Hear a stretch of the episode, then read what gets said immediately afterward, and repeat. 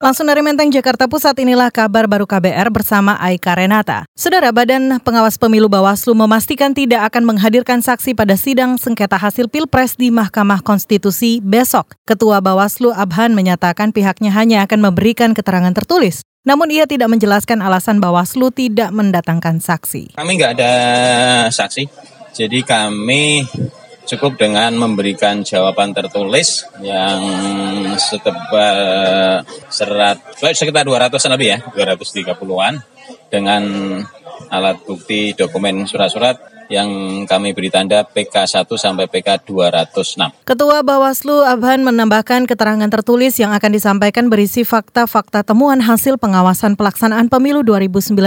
Saudara, sidang sengketa hasil Pilpres di MK hari ini telah berakhir sekitar pukul 17 waktu Indonesia Barat. Sidang akan dilanjutkan besok dengan agenda pemeriksaan saksi dan ahli dari pihak terkait.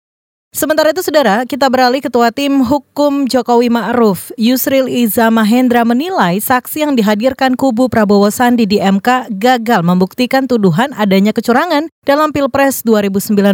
Yusril menyatakan saksi ahli maupun alat bukti yang dihadirkan tim hukum 02 tidak mampu menyokong dalil-dalil mereka. Ya, kemudian sudah diberikan kesempatan mengajukan uh, saksi begitu banyak sampai 15 orang, tapi tidak ada satu saksi pun yang dapat membuktikan ya bahwa memang benar terjadi kecurangan dan terjadi pelanggaran secara TSM. Ya. Yusril Iza Mahendra mencontohkan salah satu saksi Rahmat Syah dari Kabupaten Batubara, Sumatera Utara. Menurut Yusril, saksi ini gagal membuktikan adanya keterlibatan aparat kepolisian dalam kecurangan Pilpres. Pasalnya, ia tidak bisa membuktikan identitas polisi yang dimaksud dan sejauh mana pengaruhnya untuk kemenangan Jokowi Ma'ruf. Pada sidang kemarin, tim hukum 02 menghadirkan 15 saksi dan dua ahli dalam persidangan.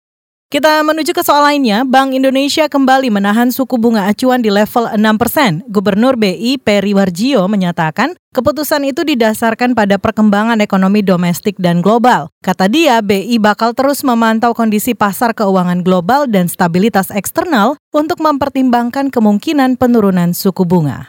Dengan mempertimbangkan uh, asesmen dan perkiraan berbagai perkembangan ekonomi tersebut, baik global maupun domestik, rapat Dewan Gubernur Bank Indonesia pada 19-20 Juni 2019 memutuskan untuk mempertahankan BI 7-day reverse repo rate sebesar 6 persen Saudara Gubernur BI Periwarjio menyatakan akan terus berkoordinasi dengan pemerintah dan otoritas terkait untuk mempertahankan stabilitas ekonomi, mendorong permintaan domestik serta meningkatkan ekspor, pariwisata, dan aliran masuk modal asing. Peri menyebut pemerintah perlu mewaspadai dampak perang dagang yang mempengaruhi dinamika ekonomi global dan memperlambat pertumbuhan ekonomi sejumlah negara. Kita menuju satu informasi lainnya, Saudara Presiden Joko Widodo berencana mengangkat isu ekonomi hingga pemberdayaan perempuan dalam konferensi tingkat tinggi G20 di Osaka, Jepang pekan depan. Jokowi menilai isu-isu tersebut penting dibahas bersama dengan 20 pimpinan negara dengan perekonomian terbesar di dunia. Jokowi akan mengajak anggota G20 kompak mendukung perbaikan investasi di negara lain. Kita ingin mengangkat, bicarakan pertama mengenai uh, persoalan ekonomi dan keuangan global yang berkaitan terutama dengan dagangan dan investasi. Yang kedua mengenai langkah-langkah inovasi dalam rangka pengembangan ekonomi digital dan artificial intelligence. Presiden Jokowi menyebut bakal menyinggung langkah-langkah inovasi untuk pengembangan ekonomi digital dan kecerdasan buatan. Negara anggota G20 bisa bekerja sama menghadapi berbagai perubahan akibat perkembangan teknologi. Isu lain yang juga ingin diangkat Jokowi adalah soal penanganan kesenjangan kualitas infrastruktur dan ketenaga kerjaan dunia. Demikian kabar baru dari kantor Berita Radio KBR, saya Aika Renata.